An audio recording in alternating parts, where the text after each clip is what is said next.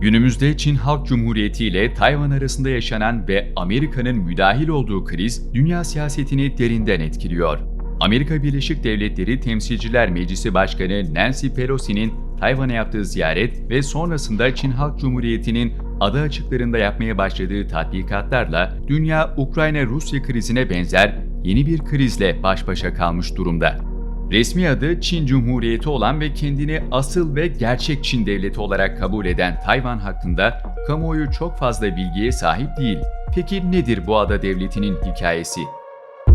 Bunu öğrenmek için 20. yüzyılın başına uzanmak gerekiyor. 2000 yıllık mazisiyle dünyanın en eski ve en uzun ömürlü imparatorluklarından biri olan Çin İmparatorluğu, 1911 yılında Boxer ayaklanması neticesinde yıkılmış ve yerine Çin Cumhuriyeti ilan edilmişti.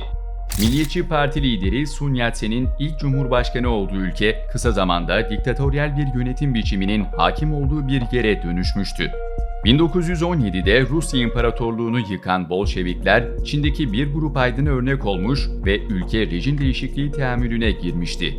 1921 yılında ülkede kurulan Çin Komünist Partisi'nin ilk üyeleri arasında Mao Zedong da bulunuyordu. Kurucu lider ve aynı zamanda Çin Milliyetçi Partisi'nin başkanı olan Sun Yat-sen'in 1925 yılındaki ölümüne kadar iki partinin arasında belirgin bir gerginlik yoktu. Fakat 1925 sonrasında Çin Milliyetçi Partisi'nin başına gelen Chiang Kai-shek, Batı yanlısı politikalar izlemeye başlayınca iki partinin arası açıldı. Hakim taraf olan milliyetçiler bu süreçte pek çok komünisti öldürünce de Çin İç Savaşı başladı.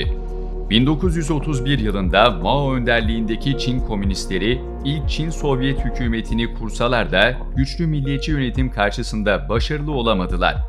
Nüfusunun büyük bir kısmı köylülerden oluşan Çin'de şehirlerde yürütülmeye çalışılan yöntemlerin işe yaramayacağını fark eden Mao Zedong, devrim hareketini kırsala taşımış ve Çin'e has bir komünist sistemine dönmüştü. 1934 yılında meşhur uzun yürüyüş sonunda Mao'nun Çin'e olan hakimiyeti iyice pekişmişti. Çin'de komünistleri yükselişe götüren bir diğer hadise de emperyalist Japonya'nın Çin toprağı olan Mançurya'yı işgal edip Manchukuo isimli kukla bir yönetim kurması olmuştur. Bu işgale karşı halkı direniş için örgütleyen Mao Zedong'un yaptıkları onu halk nezdinde zirveye taşımaya başlamıştı.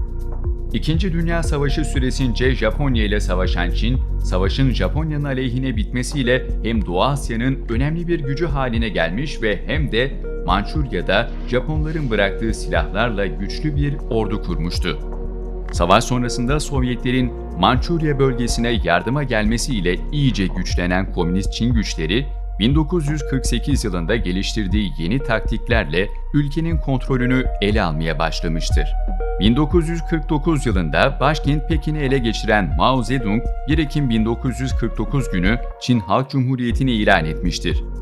Japonlarla yapılan bağımsızlık savaşı sırasında Çin Komünist Partisi gerillalarını arkadan vuran Milliyetçi Çin Partisi anakarada artık desteğini kaybetmiş ve Mao karşısında yapacak bir şeyi kalmamıştır.